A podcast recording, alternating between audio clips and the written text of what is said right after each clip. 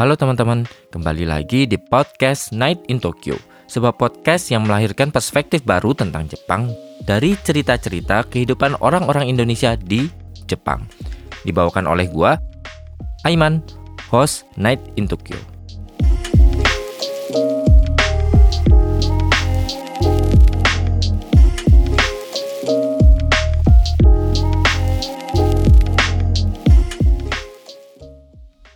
Halo teman-teman, kembali lagi dengan gua Iman di Night in Tokyo.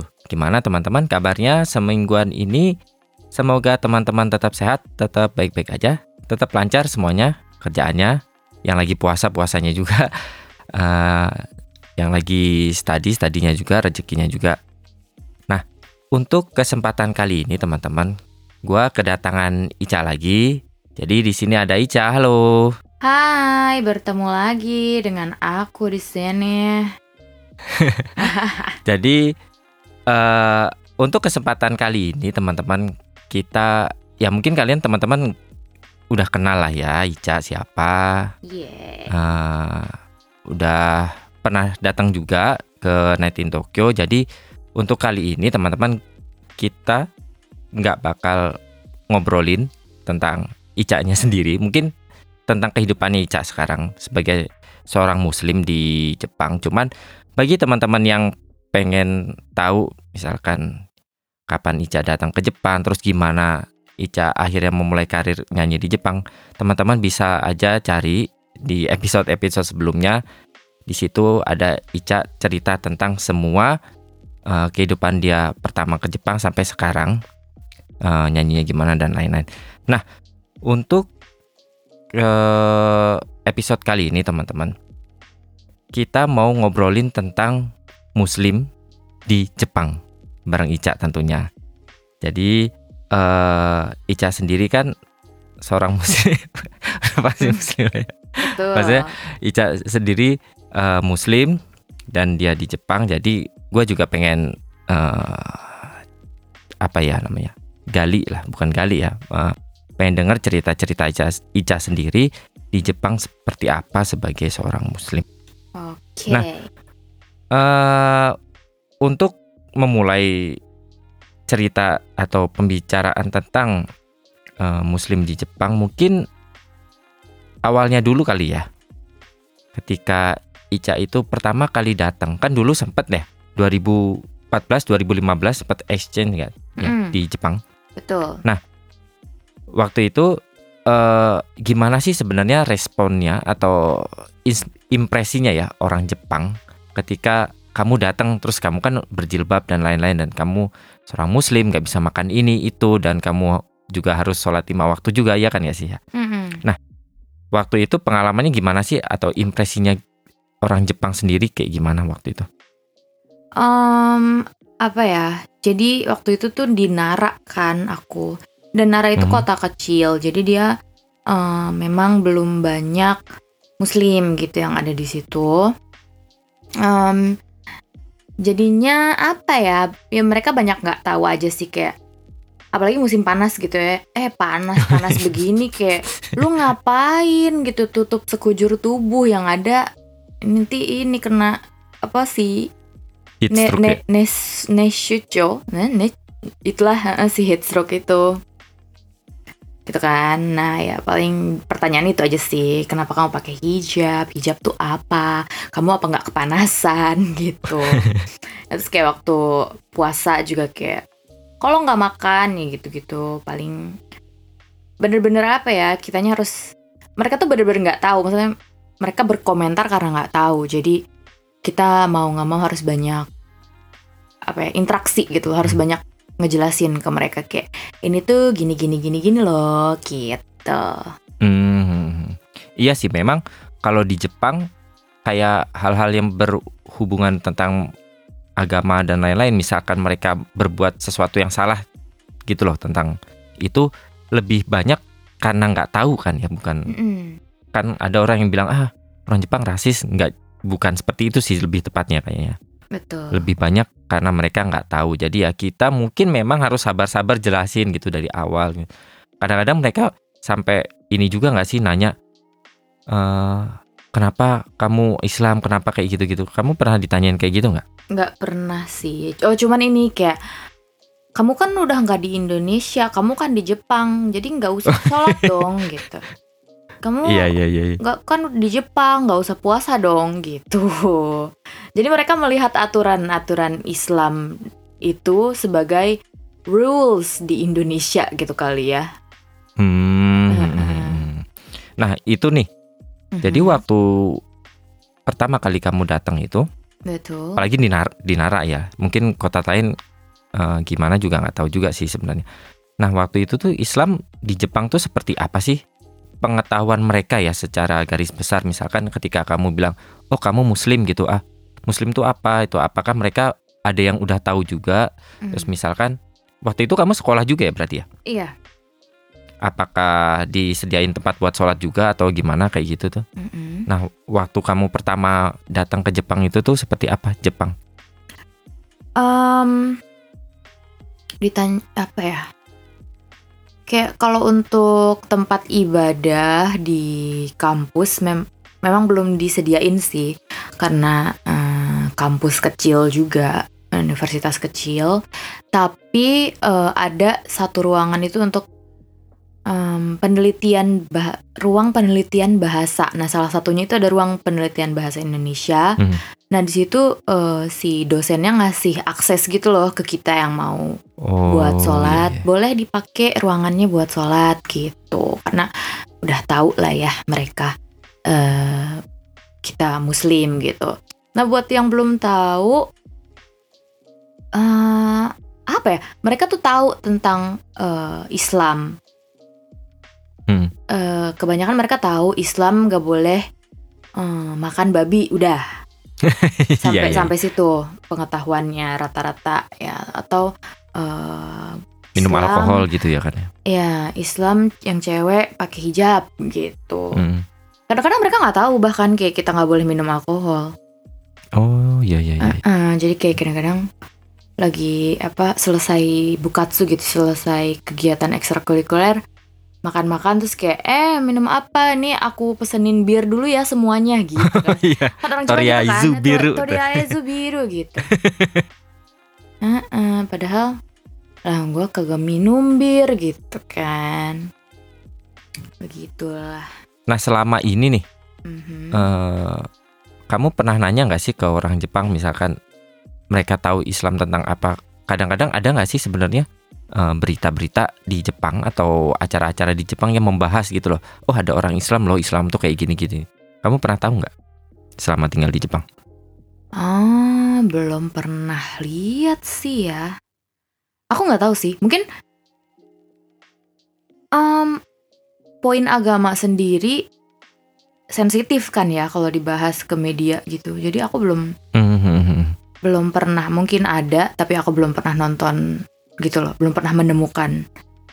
Paling kayak mereka eh, bahasnya bukan tentang Islamnya tapi kayak ada ini tradisi Lebaran adalah shalala oh iya iya iya. Jadi bu- jadi jadi bukan orang Spesifik. Islam ya bukan orang Islam punya kebiasaan bla bla bla bla. Tapi mereka angkat kebiasaannya dulu gitu loh. Jadi ada Hmm. kebiasaan ini ada aturan ini ini punya siapa? Punya Muslim gitu. Hmm, hmm, hmm, ya ya.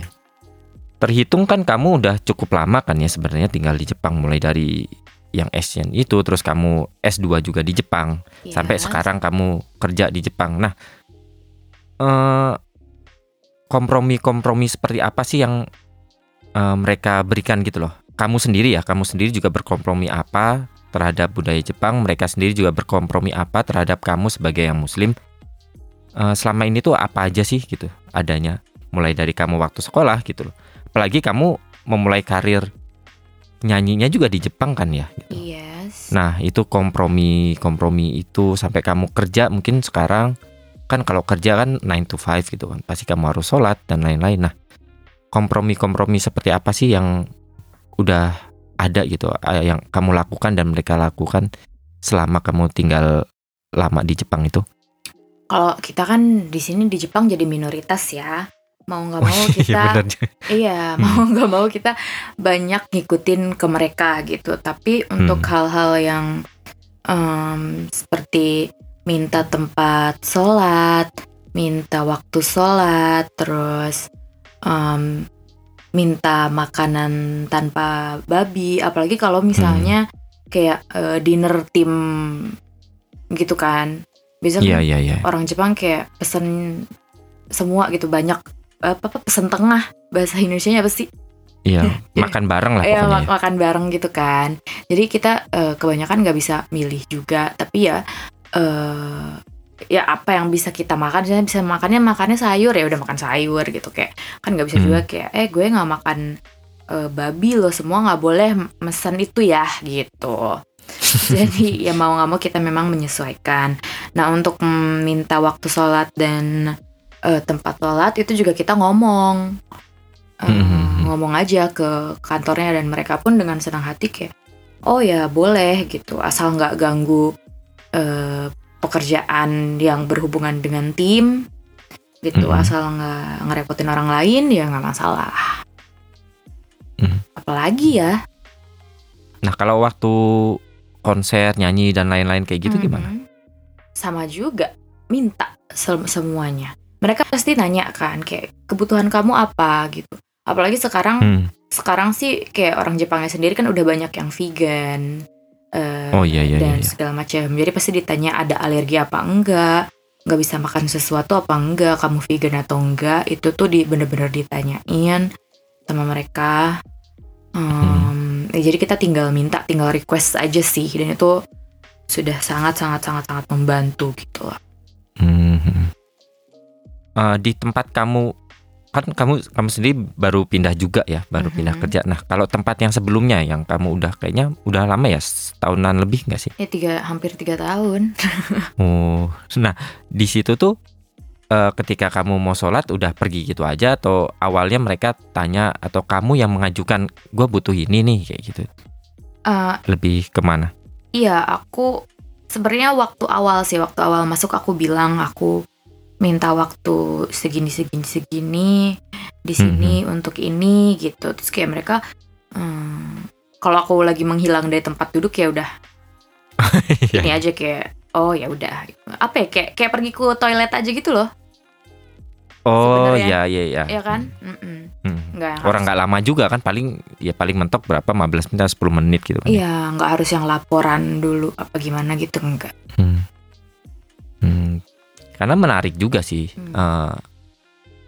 gue mengalami itu juga gitu. Bahkan ya bahkan eh, mereka sendiri yang apa ya memprovide itu gitu. Jadi beneran di meetingin gitu. Hmm. beneran di meetingin ada beberapa orang gitu. Terus eh, ini sistemnya gimana nih? Bener beneran mereka tuh sampai membuat sistemnya gitu. Hmm. Karena eh, waktu itu pertama kali gua kerja di tempat yang sekarang itu kayak beneran mereka tuh berpikirnya bukan bukan saat buat bukan buat gua doang gitu loh. Dia mereka itu berpikirnya kan mungkin aja suatu saat eh, kita bakal nge-hire orang muslim juga gitu loh. Jadi Depan ya. beneran dipikirin dibuatin sistemnya sekalian gitu. Nah, hmm, dan waktu itu tuh beneran ada, eh gue nggak tahu, mungkin tempat kerja lu juga gitu juga nggak sih kayak ada sistem kayak portalnya ini apa sih namanya buat orang pegawai itu. Mhm. Nah di situ tuh ada beneran eh dibuatin. Jadi kamu butuh tempatnya apa nih kan tempat gue juga nggak nggak nggak gede bukan kantor yang gede-gede banget gitu loh. Jadi ada satu tempat meeting kecil yang biasa gue gunain. Nah itu gue disuruh masukin input sendiri gitu jam sekian sampai jam sekian di tempat meeting ini. Terus keperluannya apa? Terus di sampai dibuatin keperluannya tuh Oinori. Oh iya. iya. Jadi eh, kan takutnya mereka ada yang mau pakai tempat itu juga gitu. Takutnya eh, apa tabrakan gitu loh. Jadi eh, disuruh ngisi sendiri. Jadi jam segitu tuh tempat itu nggak nggak bakal bisa dipakai kecuali buat gua gitu. Kayak Betul. gitu. Eh aku kalau di Gitu. kampus sih dulu di Sofia, di Sofia Hmm. University dia punya ini apa eh prayer room gitu. Itu bisa dipakai siapa aja. Eh, Mhm. Kalau mau pakai kita tinggal ke bagian information kita bilang mau pakai dari jam segi, eh, dari sekarang misalnya sampai 20 menit Hmm. ke depan Itu nanti mereka Hmm. kasih kunci ke kita, terus ki- kita bisa pakai. Dan kalau udah selesai, kuncinya dibalikin lagi gitu loh ke mereka. Hmm. Ini juga ya berarti Sofia ya? Apa mungkin karena udah banyak juga ya kalian? Ya Sofia banyak mahasiswa asingnya sih. Mm-mm, jadi banyak mereka- yang muslim juga. Iya betul betul. Padahal kalau dibilang Sofia itu kayak Universitas, kan, eh? iya Universitas Kristen dia. Kristen ya. Hmm. Oke oke. Nah eh, lanjut nih. Kan kalau gua lihat di sosial media media lu, kayaknya udah banyak banget nih, cukup banyak gitu loh, project kayak lu datang ke mana gitu loh, project wisata yang memang eh, itu khusus wisata halal atau eh, Muslim friendly gitu kan ya. Yes. Dan kamu banyak sekali mempromosi mempromosikan eh, tur-tur itu gitu. Nah Mm-mm. yang gue penasaran sejauh apa sih sebenarnya Jepang itu mengakomodir wisatawan Muslim meskipun ya ini kan corona belum belum ini ya maksudnya Hmm. belum datang lagi wisata apa turis Muslim dan lain-lain tapi dari pengalaman lu sendiri sejauh apa sih eh, Jepang itu bisa mengakomodir wisatawan Muslim? Mulai dari tempat ibadah terus makanan dan lain-lain kayak gitu. Ah, bahkan informasi yang berkaitan tentang eh, misalkan Muslim tuh perlu ini, perlu itu dan lain-lain kayak gitu. Eh, ya, sekarang tuh udah banyak sih ya, terutama Tokyo dan kota-kota besar lainnya. Kayak udah banyak makanan halal, terus kayak eh, prayer room juga udah tersedia di mana-mana. Nara Station sekarang udah punya loh prayer room dulu. Oh. Dulu 2015 pas pulang tuh masih dibikin, sekarang udah dibuka. Mm-mm. Eh, Iya bener-bener di provide gitu loh di mana-mana lah ya. Kayak di Shinjuku tuh tahu nggak ada mall apa ya dia? Dia mall Takashimaya. gitu. Iya Takashimaya ya yang ada prayer di roomnya. lantai berapa ya? Ada deh pokoknya di atas. Ah, ah, dan dia punya corner ini kan omiyage halal. Oh, iya, iya, yes, iya, iya. jadi teman aku waktu itu aku temen, nemenin temanku untuk beli omiyage yang halal tuh di situ. Jadi mereka punya Hmm. corner sendiri gitu loh. Dan iya, Jepang sekarang udah banyak yang promosi apa wisata halal dan muslim friendly gitu. Nah, kebetulan aku jadi ambasadornya di Okayama. Hmm. Heeh, di Okayama nih dia Okayama tuh di mana ya? Okayama itu em, deket Hiroshima lah, Oh, daerah situ. daerah situ, daerah bawah. Hmm, Eh, ya, jadi eh, bahkan Okayama ini dia punya tanda Muslim friendly sendiri, bukan halal loh ya, bukan tanda halal, tapi tanda Muslim friendly sendiri itu peach mark namanya. Jadi Oh, dia oke. eh, kan Okayama ini kan terkenal banget buah peachnya ya. Dia ini Hmm. loh tempat tempat lahirnya Momotaro tuh di situ Okayama. Oh iya. Eh-eh. Nah, jadi dia buah peachnya terkenal, dipakailah buah peach itu buat tanda em, apa Muslim friendly-nya mereka gitu loh. Kayak eh, apa tidak menggunakan eh, alkohol ataupun bahan-bahan yang turunan dari eh, penggunaan babi dan segala macamnya mereka eh, bikin listnya gitu loh.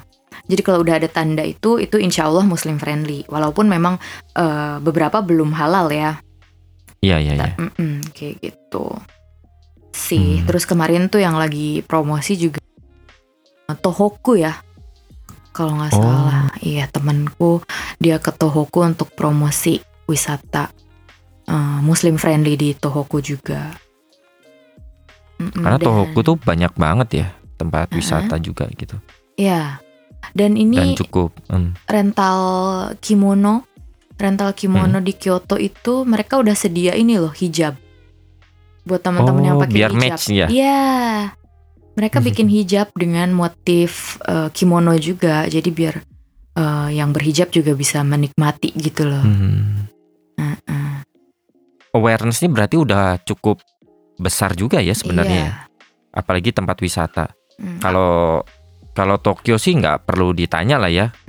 Eh, maksudnya kalau nyari tempat ibadah banyak itu masjidnya juga banyak bahkan musola juga banyak di Shibuya ada di mana-mana ada dan lain-lain tapi memang kebanyakan orang kan eh, concernnya tuh yang di daerah misalkan agak jauh gitu dan rupanya mereka sendiri dari asosiasi turismenya mereka sendiri ya malah yang Mm-mm. memprovide gitu ya.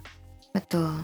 Dan ini juga sih Olimpik kemarin Oh iya iya Kayaknya- iya benar-benar. makin banyak banget s- makanan halal dan tempat-tempat Hmm. untuk yang bisa dipakai untuk sholat. Hmm. Ya meskipun nggak ada yang datang juga kasihan juga sih. Iya. Olimpik. Belum, belum. Timingnya jelek banget. Mungkin ya teman-teman kan abis ini ada kemungkinan nih tahun akhir tahun ini dibuka gitu ya. Mm-mm. Sebenarnya Jepang itu. Jadi ya teman-teman yang Muslim eh, nggak usah khawatir sih sebenarnya ya.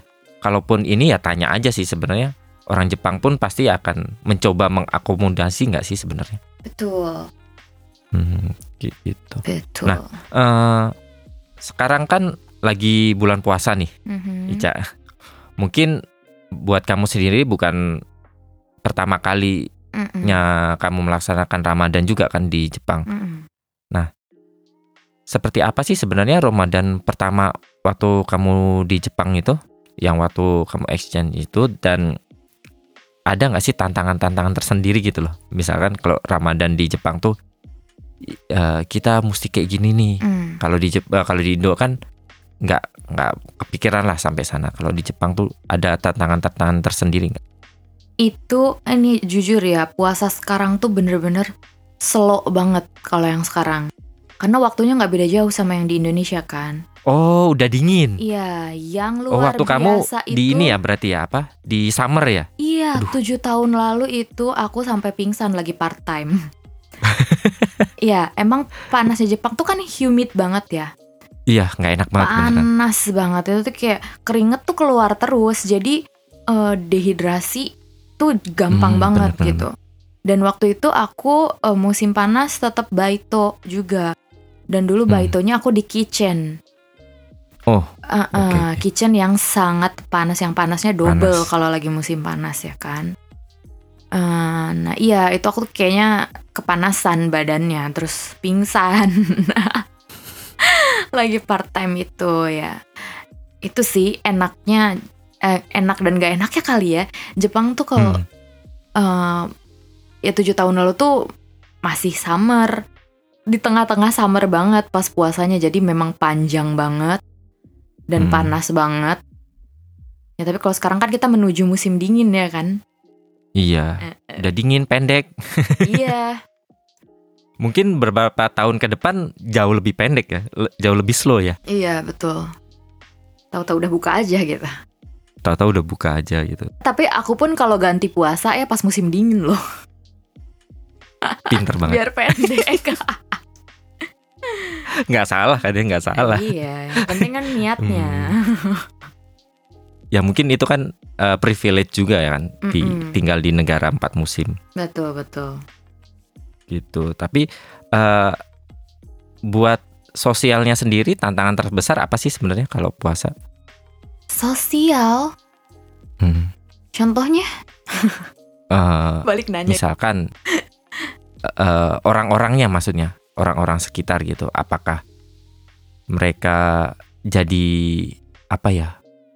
Kan kadang-kadang nggak, eh, kadang-kadang orang Jepang tuh kan karena nggak pernah puasa kan, maksudnya Mhm. itu tuh orang Jepang jadi sedikit kepo atau makan bahkan lebih kasihan gitu loh jadi jadi kasihan gitu. Kayak ah kamu kan lagi puasa ya Oh. jangan deh gitu kayak gitu gitu ada nggak sih kayak gitu gitu Iya kalau apa ya Jadi mereka pikir kita cuman gak boleh makan doang Jadi minum masih boleh gitu kan. Hmm, Nanti pas aku bilang kayak Enggak puasa kita nggak boleh makan dan minum Terus mereka yang kayak Hah kamu nggak apa-apa serius? Gitu Kayak kalau kamar kalau kenapa kenapa bilang ya Kayak gitu deh. Mereka kayak "Eh, Khawatir aja hmm. gitu Tentang masalah kesehatan padahal kita ya udah biasa juga sih ya sebenarnya Iya ternyata mereka kan selalu bilang ah kurusi kunaino gitu Iya, terus gitu. kayak harus jelasin kan ya, kayak kita udah biasa dari dari kecil gitu, jadi udah biasa banget itu nggak apa-apa gitu.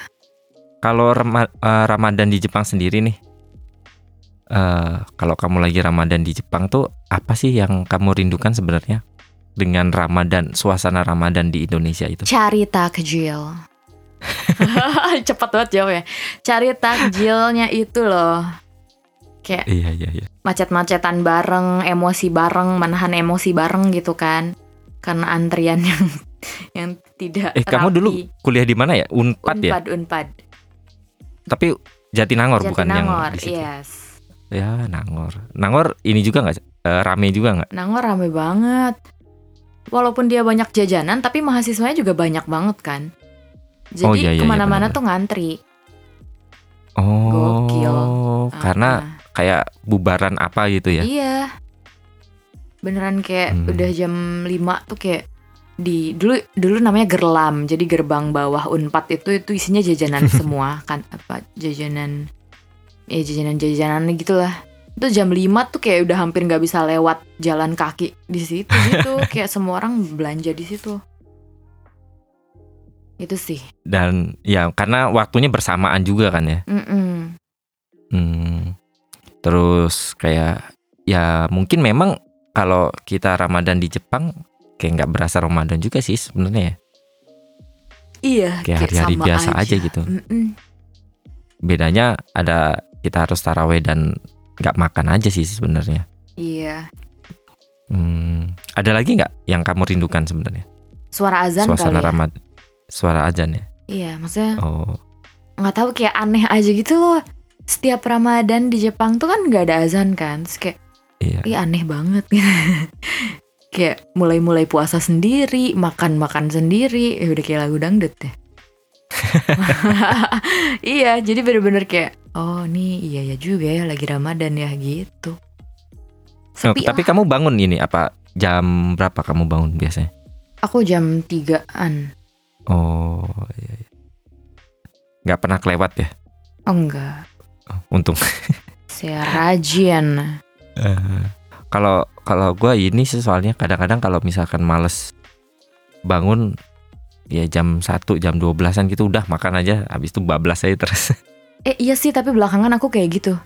Kayak udah males bangun sahur gitu loh. Jadinya kayak Soalnya- jam Eh, jam 12 sebelum tidur tuh kayak makan dulu. Tapi jadi gendut. Idul Fitri sendiri gimana kalau di Jepang?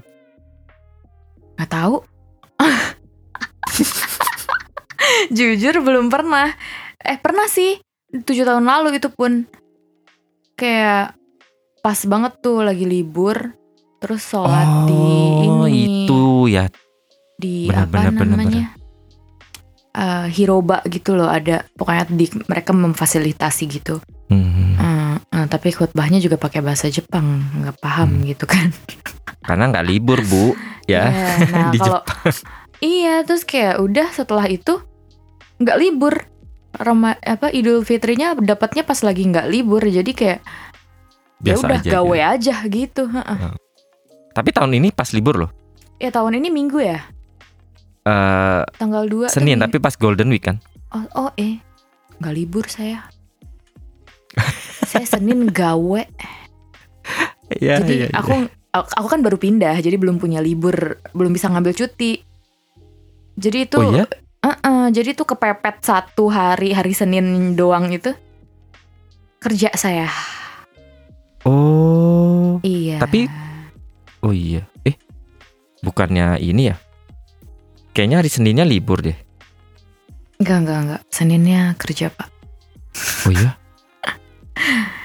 itu kantormu bener juga. itu Oh iya ya, bener ya? iya Coba aku jadi cek ya. Senin Jumat tuh dia mah hitam merahnya cuma Oh. tiga empat lima gitu kan Merahnya Oh, oh.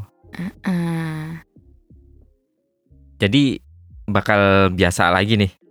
iya Oh iya, Seninnya masuk ya. Oh iya bener juga ya. Eh, tapi nggak tahu sih. Kerjaan aku yang sekarang kayak lebih lebih santai gitu loh. Jadi kadang-kadang aku mulai kerja jam 12, jam 1. Hmm. Jadi pagi-pagi mungkin bisa sholat id, pulang kerja lagi detch. Oh, kayaknya ngambil libur aja nih kayaknya nih. Tanggung kan? Itu kan kejepit juga kan ya? iya, kejepit. Kejepit. Wah, pas banget pas dijepitnya ya. Aduh, Mm-mm. ya ya ya. Berarti selama di Jepang udah beneran nggak nggak merasakan Enggak, eh, Idul Fitri gitu ya? enggak, Pak. Paling Sedih aja ada yang kirim makanan ke rumah itu udah alhamdulillah. Hmm, iya iya. Kalau eh, apa sih open house-nya KBRI sering datang nggak? Belum pernah, Pak. Pernah datang sih sebenarnya cuma eh dua kali apa tiga kali gitu. Numpang makan doang sih sebenarnya. Oh. Lumayan loh makanan gratis. Dibukanya pas Idul Fitrinya. Biasanya kan eh nggak tahu ya. Sekarang kayaknya KBRI kan pindah kan ya. Iya. Dulu kan memang deket sama Srit kan. Mm. Jadi rata-rata orang Indonesia Idul Fitrinya ke Srit, sekolah Republik Indonesia Tokyo itu. Mm. Nah setelah itu udah mereka tuh barengan gitu jalan ke KBRI Mm. tuh siang-siang minta makan doang. Habis makan pulang udah gitu. Oh iya iya. Tapi kan iya. banyak banget orang Indonesia di situ kayak gitu. Ya itulah teman-teman eh, deritanya apa ya? Ya deritanya sebagai Muslim merayakan Idul Fitri di negara yang non Muslim gitu. Mm-mm. Mungkin dari sini kita juga bisa belajar juga kan ya eh, menjadi ra- gimana rasanya menjadi minoritas Iya. Betul. karena eh, penuh penuh kompromi penuh eh, kesabaran juga dan lain-lain. harus Ya, banyak-banyak gitu. ikhlas. Iya benar Mm-mm. harus banyak-banyak ikhlas. Kalau kita kan di Indonesia karena merasa mayoritas karena bukan merasa sih emang kita mayoritas gitu muslim Mm-mm. jadi kayak kita nggak mikirin gitu loh bener nggak betul. kalau kita di Indonesia aduh belum sholat nih ya Hmm. kita bisa sholat di mana aja gitu kan di Indonesia gitu Iya. bener nggak Betul. Normal normalnya kita itu kan. Mm-mm. kalau di Jepang kita kalau di Tokyo udah lumayan banyak kan ya sebenarnya tapi kalau Hmm. tempat lain kita harus mikir tuh wah gimana gimana dan lain-lain tuh. Nah kayak kayak gitu. Ya itu. Nah eh lanjut nih. Nanti nih kan eh pasti Jepang udah mulai buka lagi kayak bordernya buat turis dan lain-lain. Terus pasti Jepang menjadi salah satu destinasi study mungkin wisata atau tinggal mungkin ya kerja di dari apa dari negara-negara lain salah satunya mungkin negara muslim kayak Indonesia, Malaysia dan lain-lain. Nah, yang kamu lihat nih sebenarnya di Jepang selama kamu datang di 2014 sampai dua eh, sampai sekarang 2022 gitu. Ada nggak sih perubahan eh, tentang kehidupan atau tentang informasi yang berkaitan tentang muslim gitu loh di Jepang gitu. Dan prediksi kamu apa terawangan kamu gitu. Ke depannya Jepang tuh akan seperti apa sih eh, muslimnya di Jepang atau atau atau makin banyak atau sebenarnya wisatanya kayaknya bakal makin muslim friendly nih atau gimana sebenarnya? Itu sih eh, kayak yang tadi udah aku bilang juga kayak tempat eh, ibadah udah mulai makin banyak pilihan-pilihan makanan halal udah makin variatif Em, yang tentunya akan sangat membantu teman-teman muslim yang ada di Jepang ya kan dan supermarket juga itu kan Gyomusu pak oh iya bener Iya, lupa aku mention itu ya selalu beli eh, Hmm. ayam, daging dan segala macam itu di Gyomusu Pak karena dia ada halal mark. ya kan? halalnya ya bener Iya. Dan banyak juga selain daging-dagingan kayak eh, bumbu-bumbu, terus coklat, eh, makan-makanan ringan pun dia banyak yang udah bertanda halal gitu loh di Gyomusu Pak. Rekomendasi banget teman-teman buat cari makanan halal. Eh, dan Gyomusu Pak tuh di mana-mana ada kan? iya iya bener Eh, walaupun ya mungkin agak jauh dikit gitu, tapi dia pasti ada di semua kota gitu.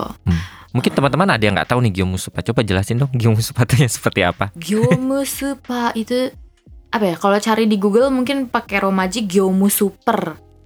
Nah itu tuh Oh jadi iya. supermarket wholesale gitu loh. Dia untuk benar-benar keperluan Gyomu, eh, keperluan bisnis gitu. Jadi Bisnis. dia eh, jual makanannya tuh di packing yang besar-besar gitu. Hmm. Tapi karena besar-besar itu jadi murah.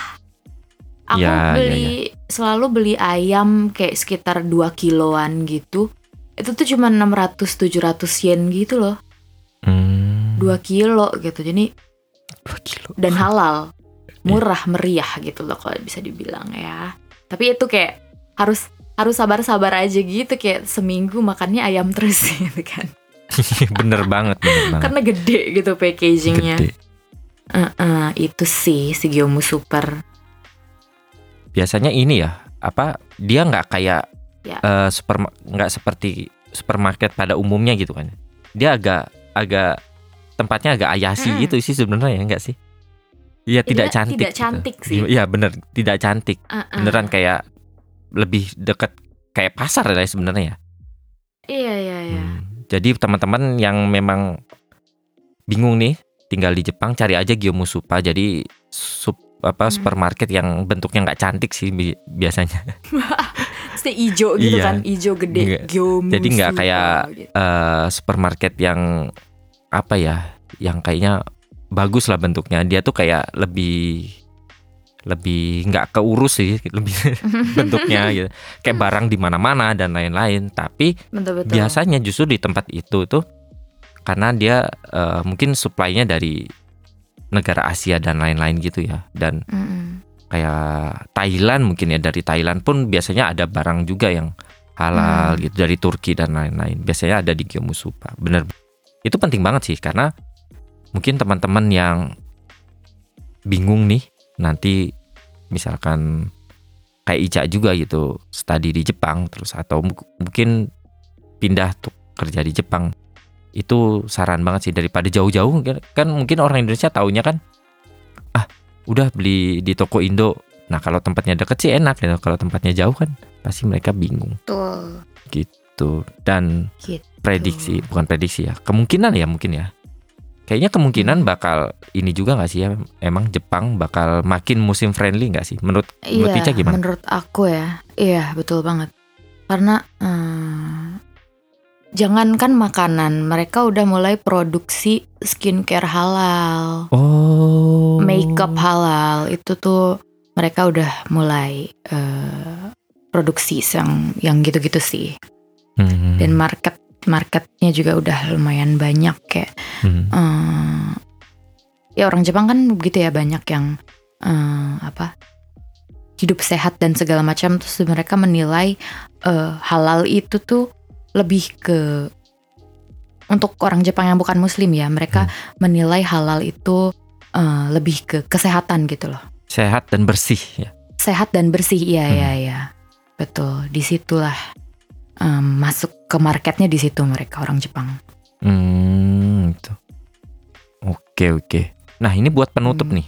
Mungkin masih ada kaitannya nih yang barusan kamu ceritain tentang skincare dan lain-lain gitu. Mhm. Eh, sebagai kamu sebagai seorang Muslim nih, udah tinggal lama di Jepang itu. Ada nggak sih sebenarnya nilai-nilai yang dianut oleh orang Jepang yang sangat Islami nih? Tapi di negara sendiri, negara Indonesia sendiri itu malah kurang tertanamkan gitu loh. Kebersihan adalah sebagian dari iman. Eta. Eta. Nggak tahu kayak eh, gimana ya. Orang Jepang tuh bersih-bersih banget kan. Iya iya Yang- benar-benar.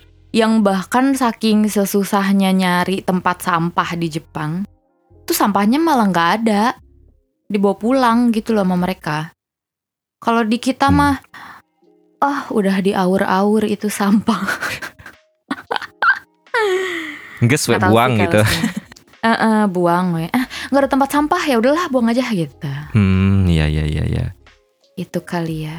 Iya. Dan sabar dalam Sabar. mengantri. Oke. Iya, orang Indonesia masih harus banyak belajar ngantri sih. Iya. Sabar Itu satu- ngontrol diri ya.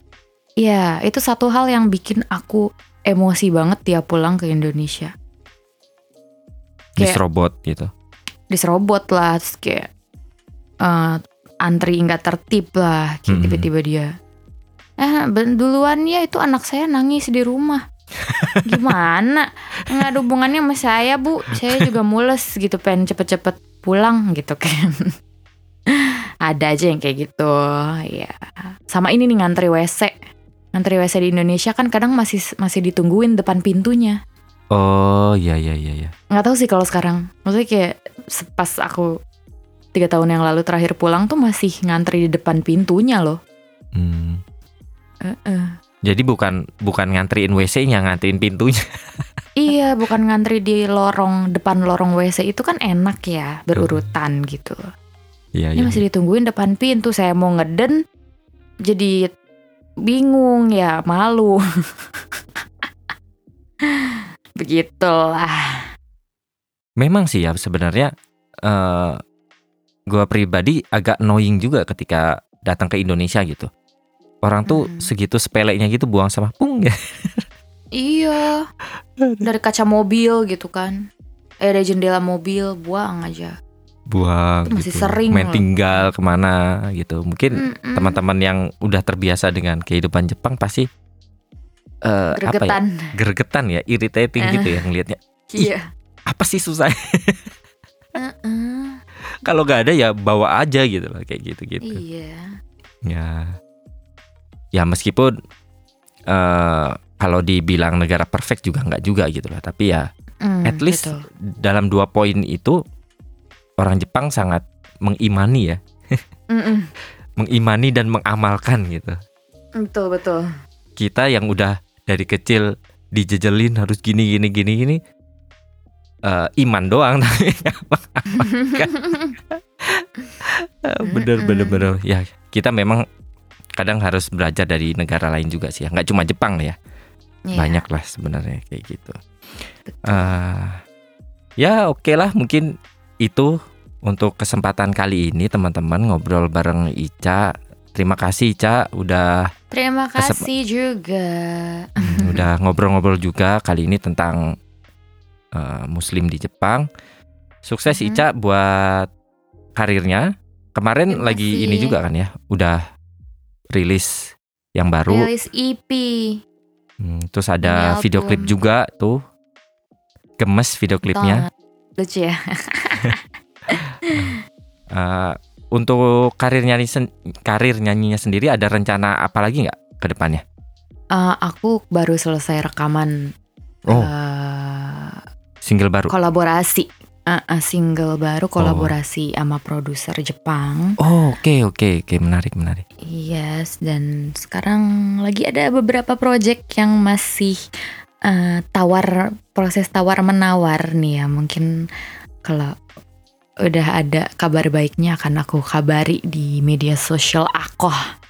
Siap siap buka. eh, buat yang menunggu-nunggu gimana single atau nyanyinya Ica bisa apa namanya? Bisa di follow mungkin. follow Instagramnya Iya. Ica di Ica Zahra ya.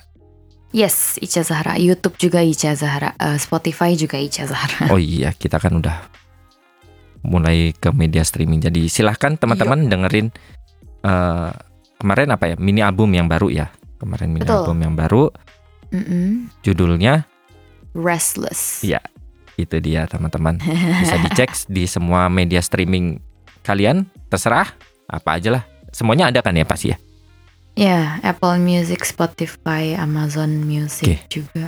Oke, mungkin sekian dulu teman-teman. Eh, terima kasih teman-teman yang udah mau dengerin terus Night in Tokyo. Jangan lupa juga buat follow Instagram Night in Tokyo di @night.in.tokyo. Di sana biasanya gua bakal membagikan informasi yang berkaitan tentang podcast ini dan hal-hal yang berkaitan tentang Jepang. Dan teman-teman juga bisa kunjungi website Night in Tokyo di www.nightintokyo.com. Di sana teman-teman bisa dengerin seluruh podcast Night in Tokyo mulai dari yang pertama sampai yang terakhir sekarang. Oke. Yes. Eh, terima kasih lagi buat Ica. Semoga lancar Thank puasanya, you, lancar juga you karirnya, eh, kerjaan barunya. Amin.